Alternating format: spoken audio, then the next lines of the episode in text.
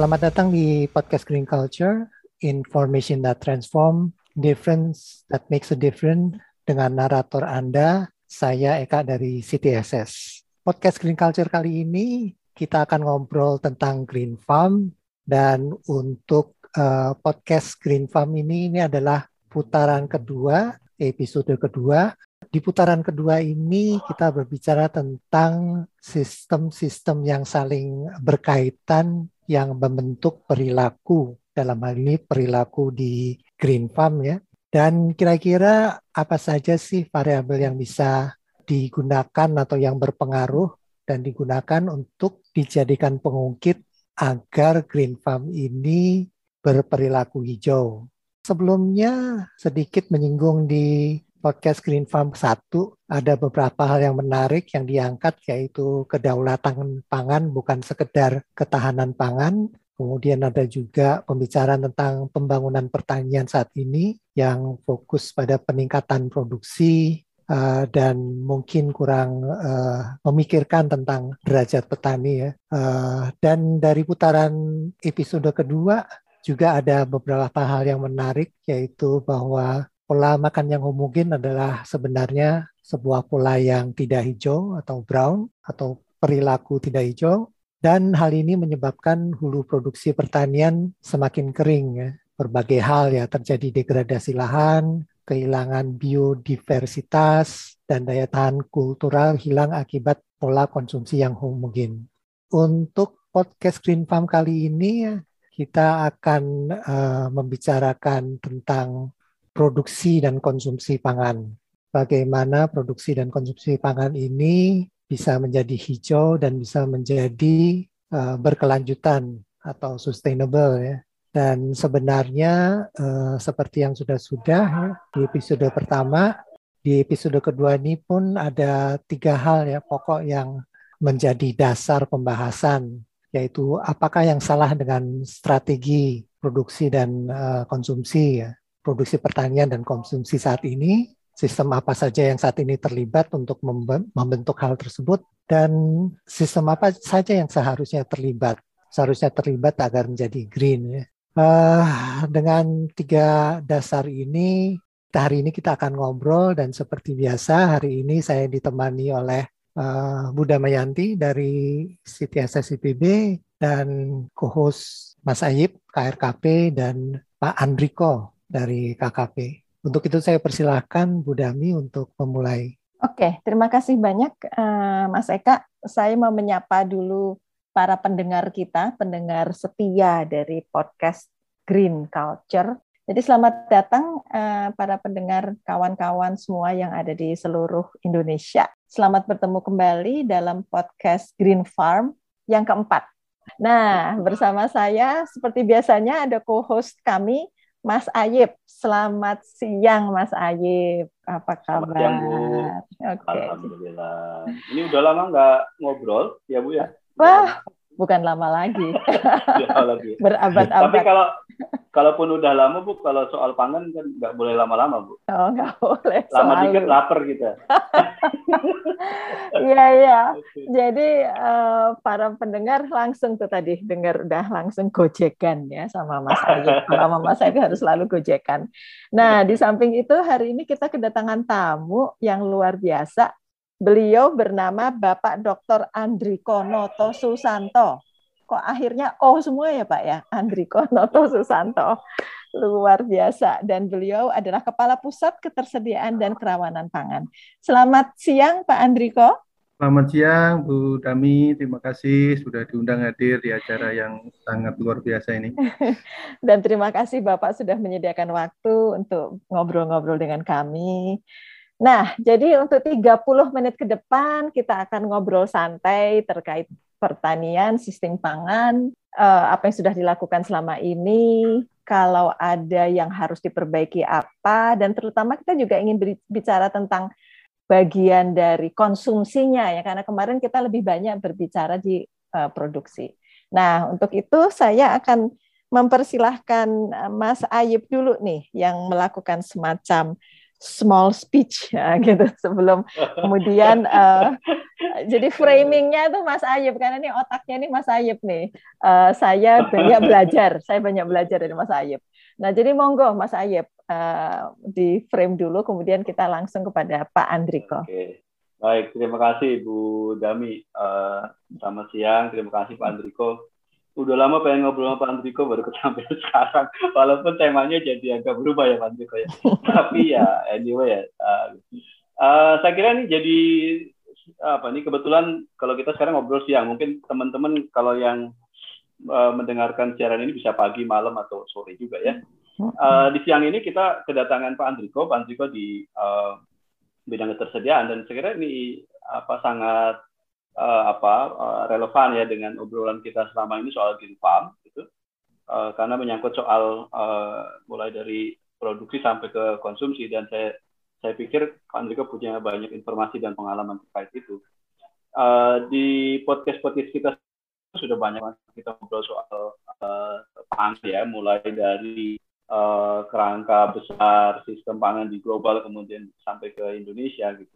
Dan sore ini atau siang ini saya kira menarik kalau kita terus juga uh, apa ngobrol soal melanjutkan obrolan maksud saya. Uh, di podcast podcast sebelumnya kita sudah tahu bahwa ada banyak aktor yang uh, berperan gitu ya dalam proses uh, penyediaan pangan di di Indonesia. Uh, ada petani dan uh, ada aktor-aktor yang lain. Kemudian juga kita kemarin sempat juga menyinggung soal bahwa dalam prakteknya ya proses produksi pangan di Indonesia masih banyak tantangan yang kita hadapi dan salah satu yang uh, penting adalah soal sustainability gitu konteks uh, produksi pangan kita gitu. Dan uh, yang belum kita banyak dengar memang soal soal sebenarnya uh, yang terjadi di produksi itu sama nggak sih tantangannya dengan yang dikonsumsi? Kalau kemudian sama bahwa misalnya sustainability-nya masih cukup rendah, kira-kira apa yang bisa kita perbuat kira-kira gitu ya ke depan. Nah, uh, sambil nyam, nyambung ke sana mungkin uh, karena Pak Andriko di ketersediaan mungkin baik juga teman-teman pendengar uh, podcast untuk kita tahu juga nih pandangan dari Pak Andriko sendiri soal uh, di aras produksinya sendiri seperti apa nih uh, apa namanya gambarannya gitu ya. Uh, mudah-mudahan bisa ada banyak hal yang menarik yang kita dapatkan di sesi obrolan siang ini ya.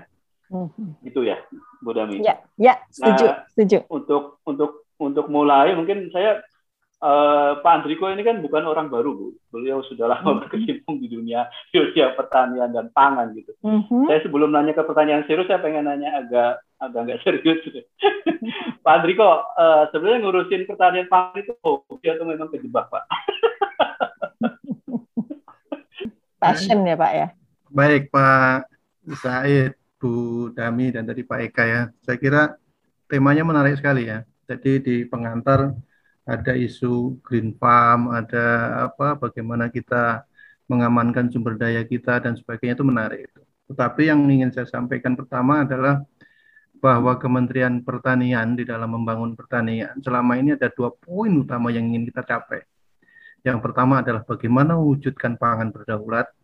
Yang hmm. kedua adalah bagaimana mewujudkan petani kita sejahtera. Jadi dua hal itu menjadi komitmen kita bersama.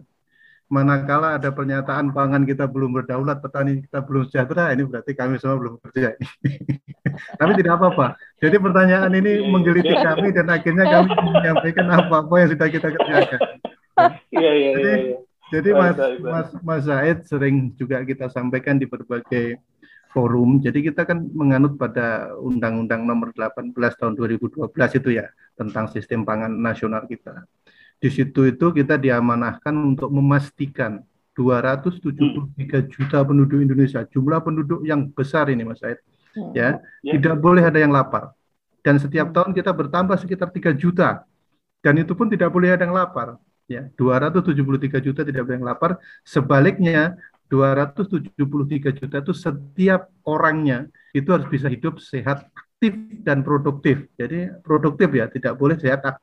Dan itu itu ditopang oleh tiga hal utama. Yang pertama bagaimana kita memproduksi. Jadi yang tadi ditanyakan ketersediaan tadi, eh, produksi eh, ketersediaan itu adalah produksi tambah cadangan.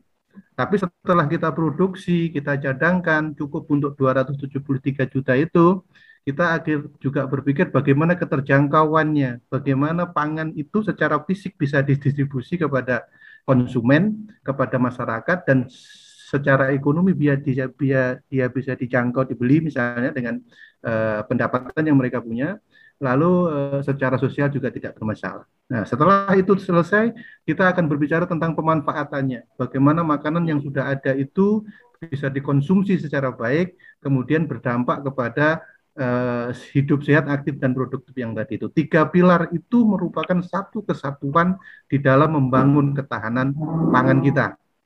Lalu sekarang dengan meningkatkan jumlah penduduk Indonesia kelas menengah ke atas, akhirnya ada tuntutan satu lagi nih Mas Syed, yaitu bagaimana pangan yang kita konsumsi itu aman. Aman dalam arti tidak hmm. mengandung bahan cemaran baik biologi, hmm. baik kimia, baik apalagi itu kan. Ya, tidak boleh itu. Hmm. Jadi akhirnya kesadaran masyarakat kita untuk mengkonsumsi pangan yang sehat, yang aman sekarang meningkat. Nah, itu tantangan tersendiri buat sistem pangan kita. Ya. ya, ya. Kemudian tiga pilar yang tadi itu, yang ketersediaan, yang keterjangkauan, dan pemanfaatan itu, kalau konsepnya hanya definisi ketahanan pangan, itu adalah kondisi tercukupinya. Nah, kita tidak seperti itu. Politik pangan kita mengamanatkan tidak hanya sekedar tercukupinya, tapi ketersediaan itu dibangun dari kemandirian bangsa kita dengan memanfaatkan sumber daya lokal kita. Kemudian apakah sampai di situ saja? Tidak kita ingin tingkatkan lagi menjadi kedaulatan pangan. Kedaulatan pangan itu artinya adalah bagaimana negara ini kemudian menentukan kebijakan sendirinya tentang pangan, bagaimana kita melindungi sumber daya pangan yang ada, baik tanahnya, pupuknya, petaninya, saprodinya, bahkan buruh taninya, agar bisa menjamin tetap berproduksi 273 juta itu ber, eh, berkesempatan untuk mendapatkan pangan yang baik secara berkelanjutan Ya, secara berkelanjutan. Jadi akhirnya kami berpikir, adakah dari proses yang kita laksanakan ini yang kemudian tidak memenuhi kaidah-kaidah green farm tadi itu. Nah, kalau ada, hmm. kami diberitahu. Kemudian Pak, boleh, masih boleh, boleh saya potong nggak? Karena saya ter, ter, uh, terkilik-kilik dengan tadi pernyataan, pernyataan Bapak. Uh, menarik sekali Pak dan Bapak stres banget tadi bahwa dalam memenuhi apa ya ketersediaan ini berarti kalau dari kacamata Kementerian Pertanian itu adalah produksi dalam negeri yang akan ditingkatkan ya Pak harus mencapai kebutuhan itu.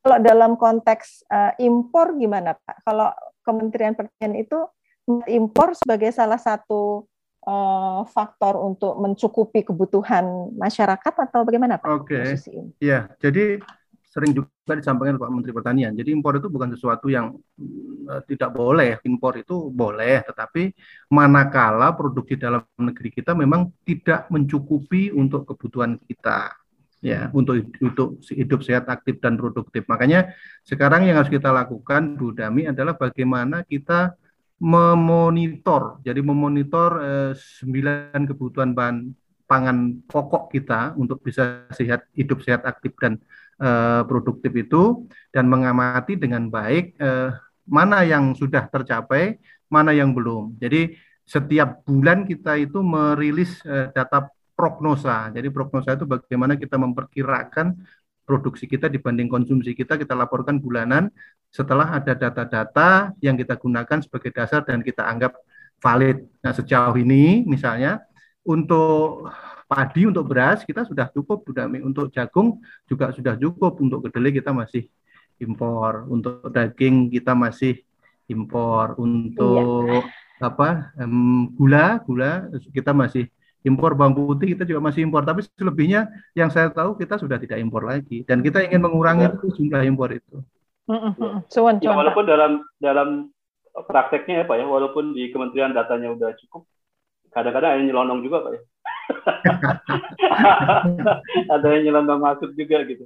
Uh, anyway, tapi kan di luar. Tapi di luar. begini, begini Mas saya. Jadi uh, saya pernah juga meng menghitung ya. Yang setelah kita hitung proporsi jumlah bahan makanan yang masuk yang kita sebut impor itu tadi di luar yang tadi saya sebutkan itu kalau kita proporsi ternyata juga tidak terlalu besar amat kecil aja. Hmm. Coba kawan-kawan juga bisa juga itu me, me, me, mencoba untuk melihat sendiri, menghitung sendiri. Hmm. Ya kadang-kadang ada kelompok-kelompok masyarakat di bangsa Indonesia ini yang kemudian perlu juga buah dari luar negeri sana karena uh, apa namanya tapi jumlahnya kecil ya jumlahnya kecil saya kira itu masih masih masuk dalam kategori yang normal Pak Andriko, saya nyelanjut yang Budami tadi ya. Kalau kemudian um, apa di konteks uh, ada komitmen yang kuat di, di kementerian ya dan di pemerintah ini soal produksi dalam negeri begitu. Nah kalau bapak sendiri kan di uh, apa uh, bidang ke BKP dan kementerian, sebenarnya menurut bapak yang yang selama ini kan para para aktor itu udah bermain punya peran yang masing-masing ya. Kalau kalau penglihatan bapak sejauh ini ya aktor-aktor kunci atau siapa saja sebenarnya yang terhubung dalam konteks penyediaan dan kalau melihat misalnya dalam kurun taruhlah misalnya 5-10 tahun terakhir uh, aktor mana yang sebenarnya perlu dikuatkan Pak dari sisi uh, perannya ya dalam konteks penyediaan pangan? Aktor utama di bidang produksi ketersediaan tadi tentu kami lah ya, jadi Kementerian Pertanian. Kami menghitung dengan uh, baik yang dituangkan di dalam lima cara bertindak Pak Menteri Pertanian itu. Yang pertama adalah produksi, jadi bagaimana kita meningkatkan produksi dari komoditas-komoditas yang kita kembangkan. Tapi kemudian di sana juga ada unsur cadangan ya. Cadangan pangan itu kan ada cadangan pangan pemerintah pusat, ada cadangan pangan pemerintah daerah, provinsi, kabupaten, juga ada lumbung pangan. Dalam konteks cadangan, dalam rangka salah satu misalnya peran Bulog, bagaimana dia mengamankan sejauh ini adalah produksi beras kita, cadangan beras kita. Itu itu di bidang eh, di, di sektor ketersediaan. Tapi di sektor eh, keterjangkauan banyak unsurnya di situ Mas Said yang terlibat hmm. karena di situ ada tingkat kemiskinan kita ukur itu tingkat kemiskinan itu kan eh, kumulatif ya disebabkan oleh tenaga kerja macam-macam di situ kalau tingkat kemiskinan kita bisa kurangi akses masyarakat terhadap pangan semakin baik itu nanti endingnya adalah pemanfaatan pangan semakin baik itu bisa dapat kita capai. Itu di tingkat eh, apa namanya eh, keterjangkauan. Tapi juga ada infrastruktur pangan yang juga kita urus. Bagaimana kita bisa mendistribusi pangan daerah daerah surplus ke daerah minus ya. Hmm. sekarang bulog misalnya perum bulog memiliki kemampuan untuk itu karena bulog memiliki divre di seluruh Indonesia dengan segala infrastrukturnya itu nah, kemudian itu merupakan modal yang sangat baik untuk mendistribusi pangan untuk seluruh Indonesia lalu di sektor eh, di bagian hilir terkait dengan pemanfaatan di sana banyak yang terlibat, salah satunya adalah bagaimana kesehatan mengedukasi masyarakat terhadap uh, gizi, ya. kemudian bagaimana misalnya pendidikan perempuan, bagaimana terlibat di sana, karena pendidikan perempuan itu ternyata sangat berpengaruh terhadap kepedulian mereka terhadap gizi keluarga ini, Mas. Ya, pendidikan perempuan. Kemudian bagaimana di sana angka harapan hidup, bagaimana di sana ada stunting, eh, kemudian di sana kemudian ada juga air bersih, karena air bersih itu ternyata juga sangat berpengaruh terhadap uh, pengolahan pangan yang pada akhirnya adalah menentukan tingkat kesehatan masyarakat. Jadi itu adalah aktor-aktor yang terlibat yang harus kita saling kaitkan dan itu semua sudah kita ukur 9 indikator untuk mengukur ketahanan pangan termasuk aktor yang terlibat di dalam uh, peta yang kita sebut sebagai peta uh, vulnerability eh, food security and vulnerability atlas jadi FSPA yang levelnya terus kita tingkatkan dari level nasional, provinsi, kabupaten, kecamatan sampai ke desa. Saya kira itu Mas Said. Ya, ya, ya. Ini ini ini menarik ternyata penyediaan di konteks persediaan eh, apa sangat luas, kemudian aktor juga banyak. Saya sebenarnya ini Bu Dami tertarik ke yang bagian terakhir dari tiga tiga pilar itu yang soal keamanan dan eh, apa namanya diutilisasi itu Pak Andriko. Pangan yang nah, sehat itu ya. Uh, Ah, nah kalau di keamanan, kalau di di ketersediaan kita tadi lah udah kebayang ya. Uh, kementerian, ada petani macam-macam. Tapi kalau yang jagain keamanan pangan siapa, Pak? ya, untuk memastikan itu gitu ya. Karena yeah. Sekarang kalau masyarakat Pak Andriko, kalau saya ya kadang-kadang makan tuh yang penting kenyang, Pak. Soal amannya nggak nggak tentu gitu. Itu gimana Pak Andriko kalau yang di situ itu? Oke.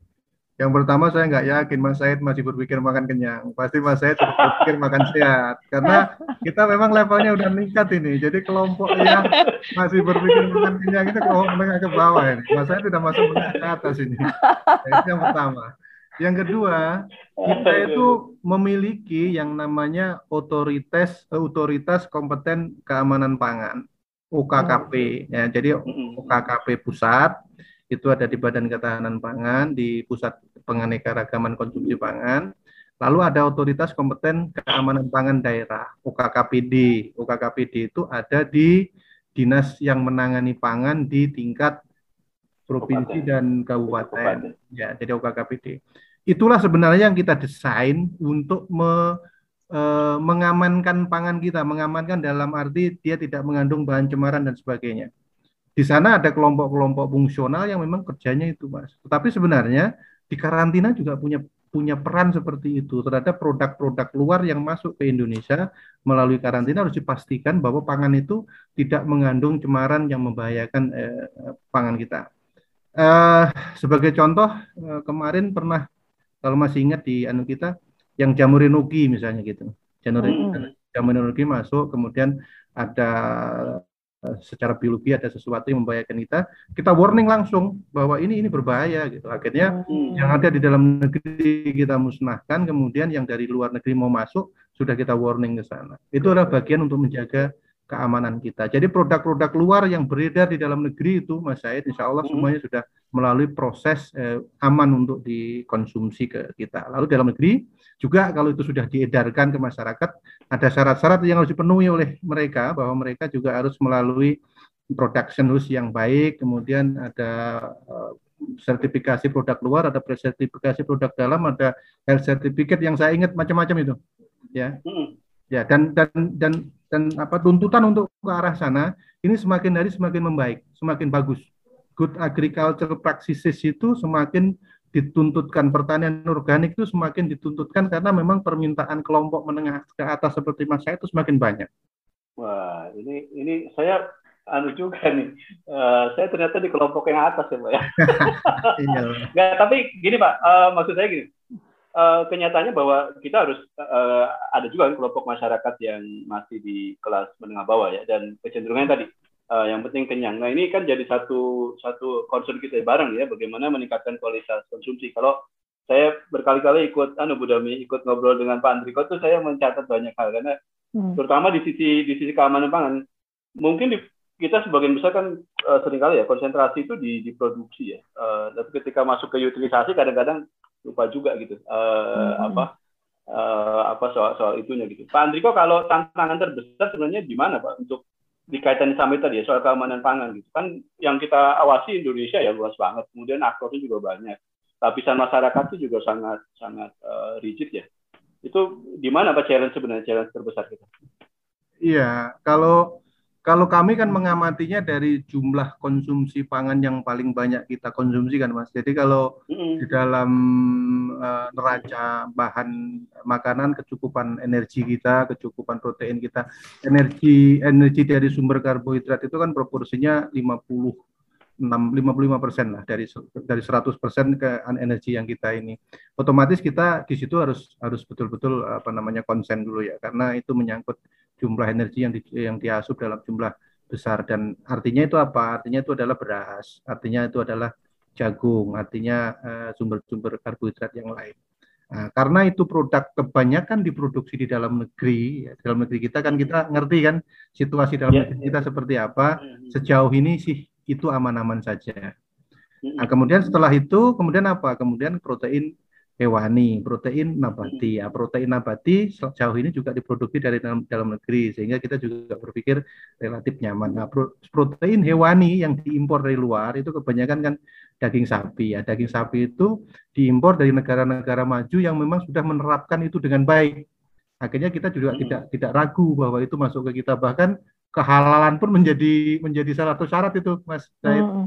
Nah, lalu yang yang berikutnya apa? Yang berikutnya adalah memang yang sumber vitamin dan mineral tadi, sayur dan buah. Nah, sayur dan buah inilah yang kemudian uh, dalam jumlah kecil tapi sangat menentukan ya karena kelompok menengah ke atas itu kebanyakan memperbanyak konsumsi sayur, buah dan protein dibanding karbohidrat.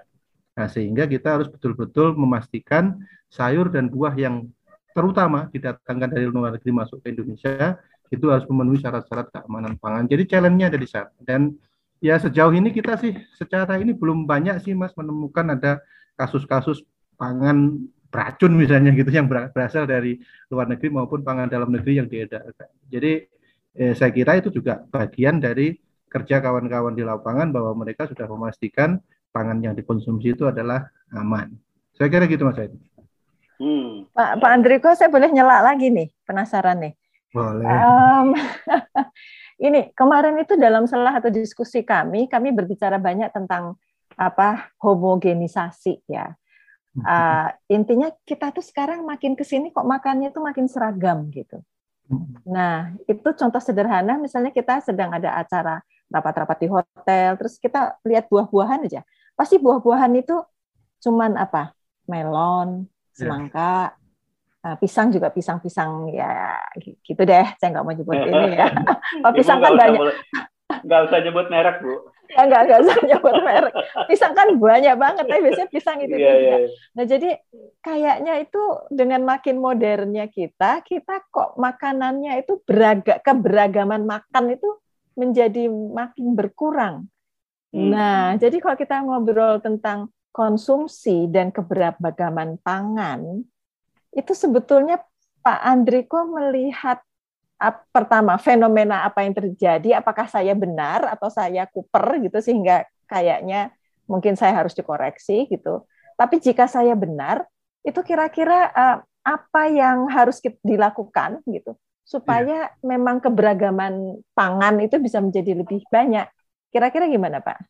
Nah, saya, saya hmm. sebelum Pak Andriko nih, saya nyambung ke David ya. Saya okay. tanya sekalian Pak Andriko mumpung uh, tadi kan juga pilar kedua itu kan soal uh, distribusi uh, dan utilisasi dengan mendaya gunakan sumber daya lokal. Ini nyambung dengan yang Budami nih Pak. Sebenarnya peta peta sumber daya pangan lokal kita relasinya dengan tadi yang kata Budami lebih mulai cenderung ke ke seragam gitu ya. Nah sebenarnya itu juga jadi jadi pertanyaan saya sebenarnya dengan kekayaan yang melimpah problemnya di mana gitu. Tentu saja ada banyak kali ya. Okay. gitu Pak, tambahan satu satu yeah, uh, yeah. poin. Jadi jadi begini, ya, kalau dari analisis kami itu kan ada PPA pola konsumsi ketersediaan ya ada ada konsumsi memang ada lag ada ada jadi misalnya kalau dari sisi ketersediaan kita itu bersoal dua hal yaitu pangan hewani dan sayur dan buah tadi artinya apa itu hmm. produksi dalam negeri kita belum cukup tetapi oh. dari sisi konsumsi kita bersoal banyak hal ternyata jadi hmm. selain pangan hewani dan sayur dan buah itu kita juga masih bersoal dengan konsumsi umbi-umbian kita. Produksinya cukup tapi makannya kurang. Ah, Produksi menarik, buah, Pak. Nah, buah biji berminyak itu produksinya cukup dari dalam negeri tetapi konsumsinya kurang. Kemudian okay. kacang-kacangan produksi kita itu juga cukup tetapi konsumsi kita kurang. kurang. Ya, ah. jadi poin-poin itulah yang kemudian dalam konteks diversifikasi kita harus melakukan banyak eh, banyak hal yang kita lakukan apa? Kalau memang masalahnya kurang ya kita produksi tambah di sektor ketersediaan. Tetapi kalau di sektor ketersediaannya sudah cukup, apa yang kita lakukan? Memang larinya kepada promosi lagi, larinya kepada apa sosialisasi lagi, ke kampanye, edukasi dan sebagainya. Bagaimana bahwa memakan makanan itu yang produksinya banyak itu men, me, me, menguatkan sisi diversitas tadi Mas Said. Kemudian kalau sektor hilirnya itu permintaannya meningkat, pasti sektor hulu itu akan mengikuti. Ah, Jadi okay. di Indonesia itu sekarang kecenderungannya seperti itu. Tiba-tiba di sektor hilir porang harganya naik, akhirnya mereka mengganti tanaman mereka dengan tanaman porang gitu loh. Tapi kalau mis misalnya di sektor hilir kacang-kacangan konsumsi kita naik di sektor hulu pasti dia akan juga memproduksi kacang-kacangan dalam jumlah besar. Jadi negara hmm. kita itu negara yang sangat kaya, nanam apa saja tumbuh, tetapi memang untuk meningkatkan kesejahteraan petani, apa yang ditanam petani itu harus memberikan keuntungan. Jadi harus diikuti dengan uh, uh, daya beli dan peningkatan konsumsi di sektor hilir. Saya kira penjelasan sementaranya seperti itu, Bu Dami. Keren, keren. Artinya gini ya, Pak uh, Pak Anjiko, artinya mas selama ini kan uh, sering kali kita bermain pada sisi supply ya Pak ya. Kalau gitu tuh, saya anu, nangkap harusnya memang perlu kita pikirkan juga bagaimana mendorong sisi demand ya Pak. Tadi kalau Bapak nyontohin kalau permintaannya ada sebenarnya produksinya bisa naik gitu ya kira-kira. Nah, ya. tapi kan ini kayak kayak anu Pak, kayak telur sama ayam Pak. kalau tapi, kita dorong. Tapi kalau saya tetap ada konsen satu lagi yang perlu saya pesankan uh Mas Said. Jadi kita boleh, boleh misalnya kita lihat eh, konsum eh, apa namanya pangan ini dari sisi konsumsi untuk sehat uh -huh. produktif. Tapi apa pun itu yang maksimal bisa kita produksi di dalam negeri, Mas ya. Ah, setuju. Jadi, contohnya, ya, ya, ya. contohnya begini, setuju. contohnya begini. Kita contoh. Jadi misalnya kita tiba-tiba ingin mengatakan bahwa konsumsi susu kita kurang sebagai sumber protein misalnya.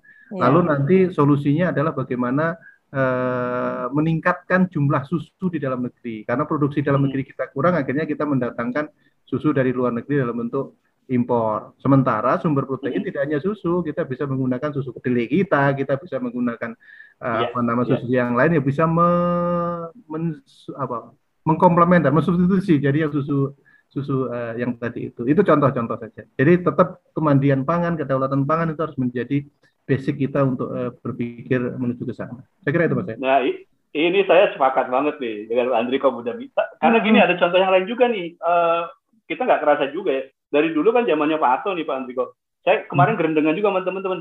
Dulu kita pengen menurunkan konsumsi uh, biji-bijian kan, apa beras gitu.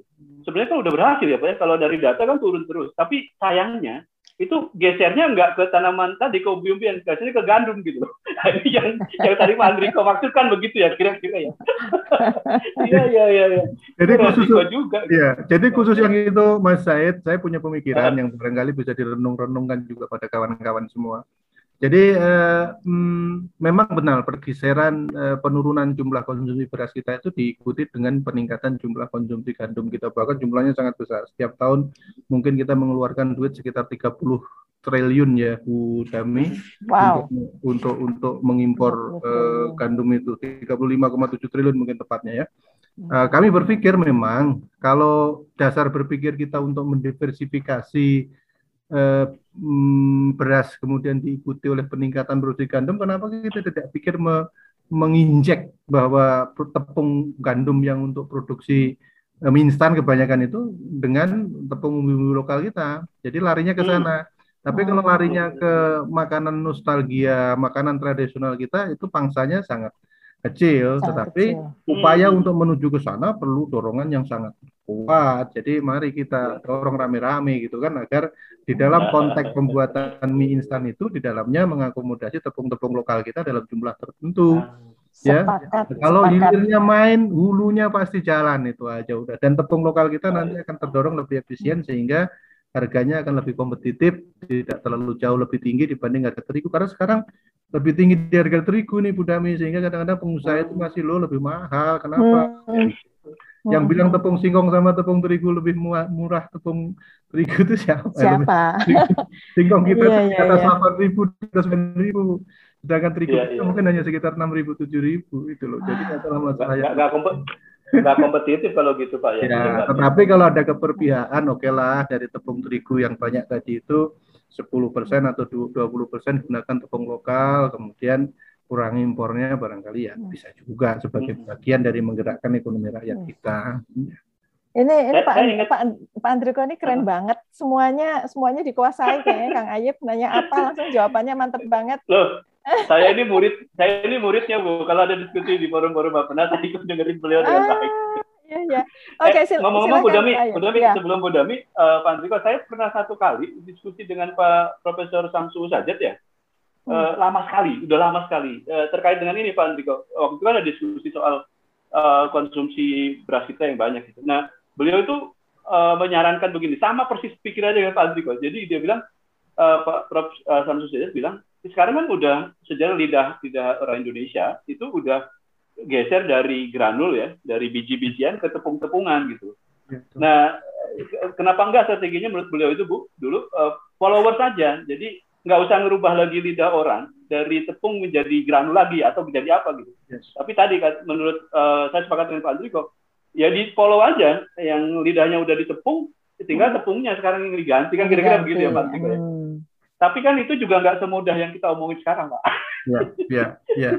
Jadi uh, saya saya membaca ada juga di luar konteks teknis. Tadi Pak Ardilo udah highlight secara implisit kan ada soal politik, ada soal ekonomi gitu. Gimana Pak sebenarnya Pak? Yeah. Jadi kalau menyangkut duit itu urusannya gak repot mas. Apalagi duit yeah, yeah, yang jumlahnya yeah, tidak tidak tidak sedikit ya. Tetapi memang kita harus berpikir kreatif. APBN kita tuh gede. Kemarin misalnya BPNT eh, untuk yang COVID kan banyak juga. Tapi kalau lihat kita komponen apa di dalamnya, komponen di dalamnya juga belum mengambil produk-produk UMKM kita yang memproduksi pangan lokal misalnya. Isinya di sana beras telur misalnya gitu. Kenapa tidak beras telur telur tambah tepung singkong misalnya atau beras telur tambah apa gitu kan? Jadi kan kan pasar sudah ada itu eh, kalau Mas Said cek ke Kemensos mungkin jumlahnya lebih dari 40 ya. triliun ya jumlahnya sangat banyak. Uh, terus memang harus ada upaya yang yang cukup ya, tidak bisa tidak bisa diselesaikan oleh masyarakat kita karena kalau oh. menyangkut menyangkut pasar harus direbut harus ada keberpihakan pasar dalam negeri kita tuh luar biasa sehingga pasar luar negeri pengen berebut hmm. wilayah di dalam negeri kita jadi kita ini wilayah bertempur ini wilayah bertempur produk-produk luar untuk dipasarkan kenapa kita nggak main kenapa kita nggak berpihak kepada itu menurut saya sangat mungkin itu tinggal bagaimana kita mendorong, tapi tidak mungkin itu mengalir begitu saja. Keren, keren, sepakat banget Pak. Pasar kita harus kita rebut. Setuju banget.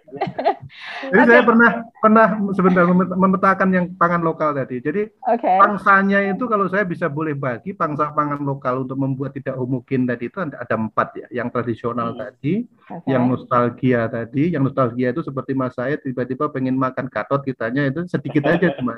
Tapi yang banyak itu yang milenial tadi itu yang sudah berubah ke tepung-tepungan. Kemudian hmm. yang terakhir adalah fungsional yang kesehatan yang digerakkan oleh gerakan-gerakan masyarakat. Jadi empat itu harus kita petakan betul pangsanya di mana. Tradisional mungkin 20% saja, nostalgia itu mungkin 10% saja, tapi yang milenial tepung-tepungan itu bisa sampai 50-60% menurut saya. Yang fungsional yang tadi kesehatan mungkin sekitar 20%. Kalau demikian berarti medan tempurnya ada di milenial tadi itu, yang di ya, tepung-tepungan ya, ya. tadi itu yang kita rebut. Karena yang tradisional pastilah NTT masih makan jagung, sebagian. Papua masih makan umbi-umbian. Tetapi yang milenial itu bagaimana membuat sagu misalnya yang diproduksi itu menjadi bagian penting dari tepung-tepungan untuk membuat mie instan. Secara litbang sudah selesai itu. Oke. Okay. saja oleh pelaku usaha dan ada keperbiaan di sana mahal-mahal dikit nggak apa-apa lah bangsa yeah. kita gitu. Iya iya iya. Saya kira okay. itu. pesannya kuat sekali Pak. Pak ini kebayang nggak ini nggak terasa kita sudah 40 menit loh Pak. Ya, jadi keren banget. Nah, jadi uh, bagian akhir nih Pak closing remark. Bapak apa yang ingin Bapak sampaikan kepada para pendengar? Jadi sekalian closing remark dari Bapak yang ya. penting untuk Bapak. Eh, baik. Jadi kalau saya Bu dalam mem memotret ketahanan pangan kita itu luar biasa. Pada zaman Pak Karno misalnya kenapa dia mengatakan bahwa pangan rakyat itu soal hidup dan mati, saat itu kita hanya memiliki 82 juta penduduk ya, produksi beras kita hanya cukup untuk eh, berapa ini saya hitung 7 7,1 sehingga kita setiap tahun membutuhkan 1,6 kurang. Kemudian zaman Pak Harto, kemudian kita swasembada masih ingat itu. Kemudian lewat saja zaman Pak eh, Jokowi ada bagaimana kita memastikan setiap tahun misalnya setiap bulan kita memproduksi satu juta hektar untuk memproduksi biar tidak dapat ceklek lagi. Kemudian dilanjutkan kita dengan lima cara bertindak. Pesannya adalah untuk memastikan 273 juta penduduk Indonesia tidak lapar itu untuk Indonesia tidak mudah. Tidak bisa kita dikomparasi dengan Singapura, dengan Malaysia, dengan Filipina. Kita kompleks sekali kepulauan sehingga untuk memastikan tiga pilar tadi ketersediaan, keterjangkauan dan pemanfaatan itu membutuhkan upaya kita bersama lintas KL. Aktornya yang disebut Mas Syed tadi bermain semua berkolaborasi. Mudah-mudahan di bawah Bapak Nas nanti bisa Mas. Amin, Pak. Keren, keren, keren, keren. Dan mudah-mudahan Pak Andriko menjadi bagian penting di Bawanas. Doa saya untuk Bapak. Yes, doa saya juga buat Bapak, Pak Andrika. Oke, Pak Andrika, luar biasa. Terima kasih banyak. Uh, Ayep, ada closing remark? Ya, uh, saya mencatat satu poin, Bu, bahwa uh, apa yang disampaikan Pak Andriko uh, bahwa apa sisi konsumsi kita memang harus menguatkan diri ya dengan berlandas pada sumber daya lokal dan satu mungkin target ke depan untuk trigger atau sebagai agen perubahan di sisi konsumsi milenial. Jadi Pak Andriko highlight itu. Itu aja Bu. Sama. Saya kira ya. geraknya ke sana deh. Iya, iya. Persis. Tadi saya juga nangkapnya gitu. Milenial ini menjadi titik penting kunci uh, kedaulatan masa depan. Berarti milenial itu harus cinta pada produk lokal. Ya, ya, ya. Karena itu yang kita perlukan. Uh, jadi mungkin bersama dengan ini kita ucapkan terima kasih saja kepada Pak Andriko yang sudah bergabung dengan kami dan memberikan pesan-pesan yang kuat sekali terkait dengan kedaulatan pangan dan pembunuhan tiga pilar itu dan kunci adalah di tangan anak-anak muda. Jadi bagi para pendengar yang usianya masih anak muda itu berapa ya? 30 ke bawah, 35 ke bawah Ya. Kita kan juga masih muda, Bu. Kita masih 50 muda. ke bawah. Oh, 50 ke bawah. Oke, jadi ayo masih muda. Aku udah tua. Iya dong. Jadi para pendengar, kita harus bersama-sama berjuang untuk kemerdekaan kita, kedaulatan kita dan terima kasih sudah hadir pada atau sudah mendengarkan podcast kali ini. Sampai bertemu kembali di podcast berikutnya. Terima kasih.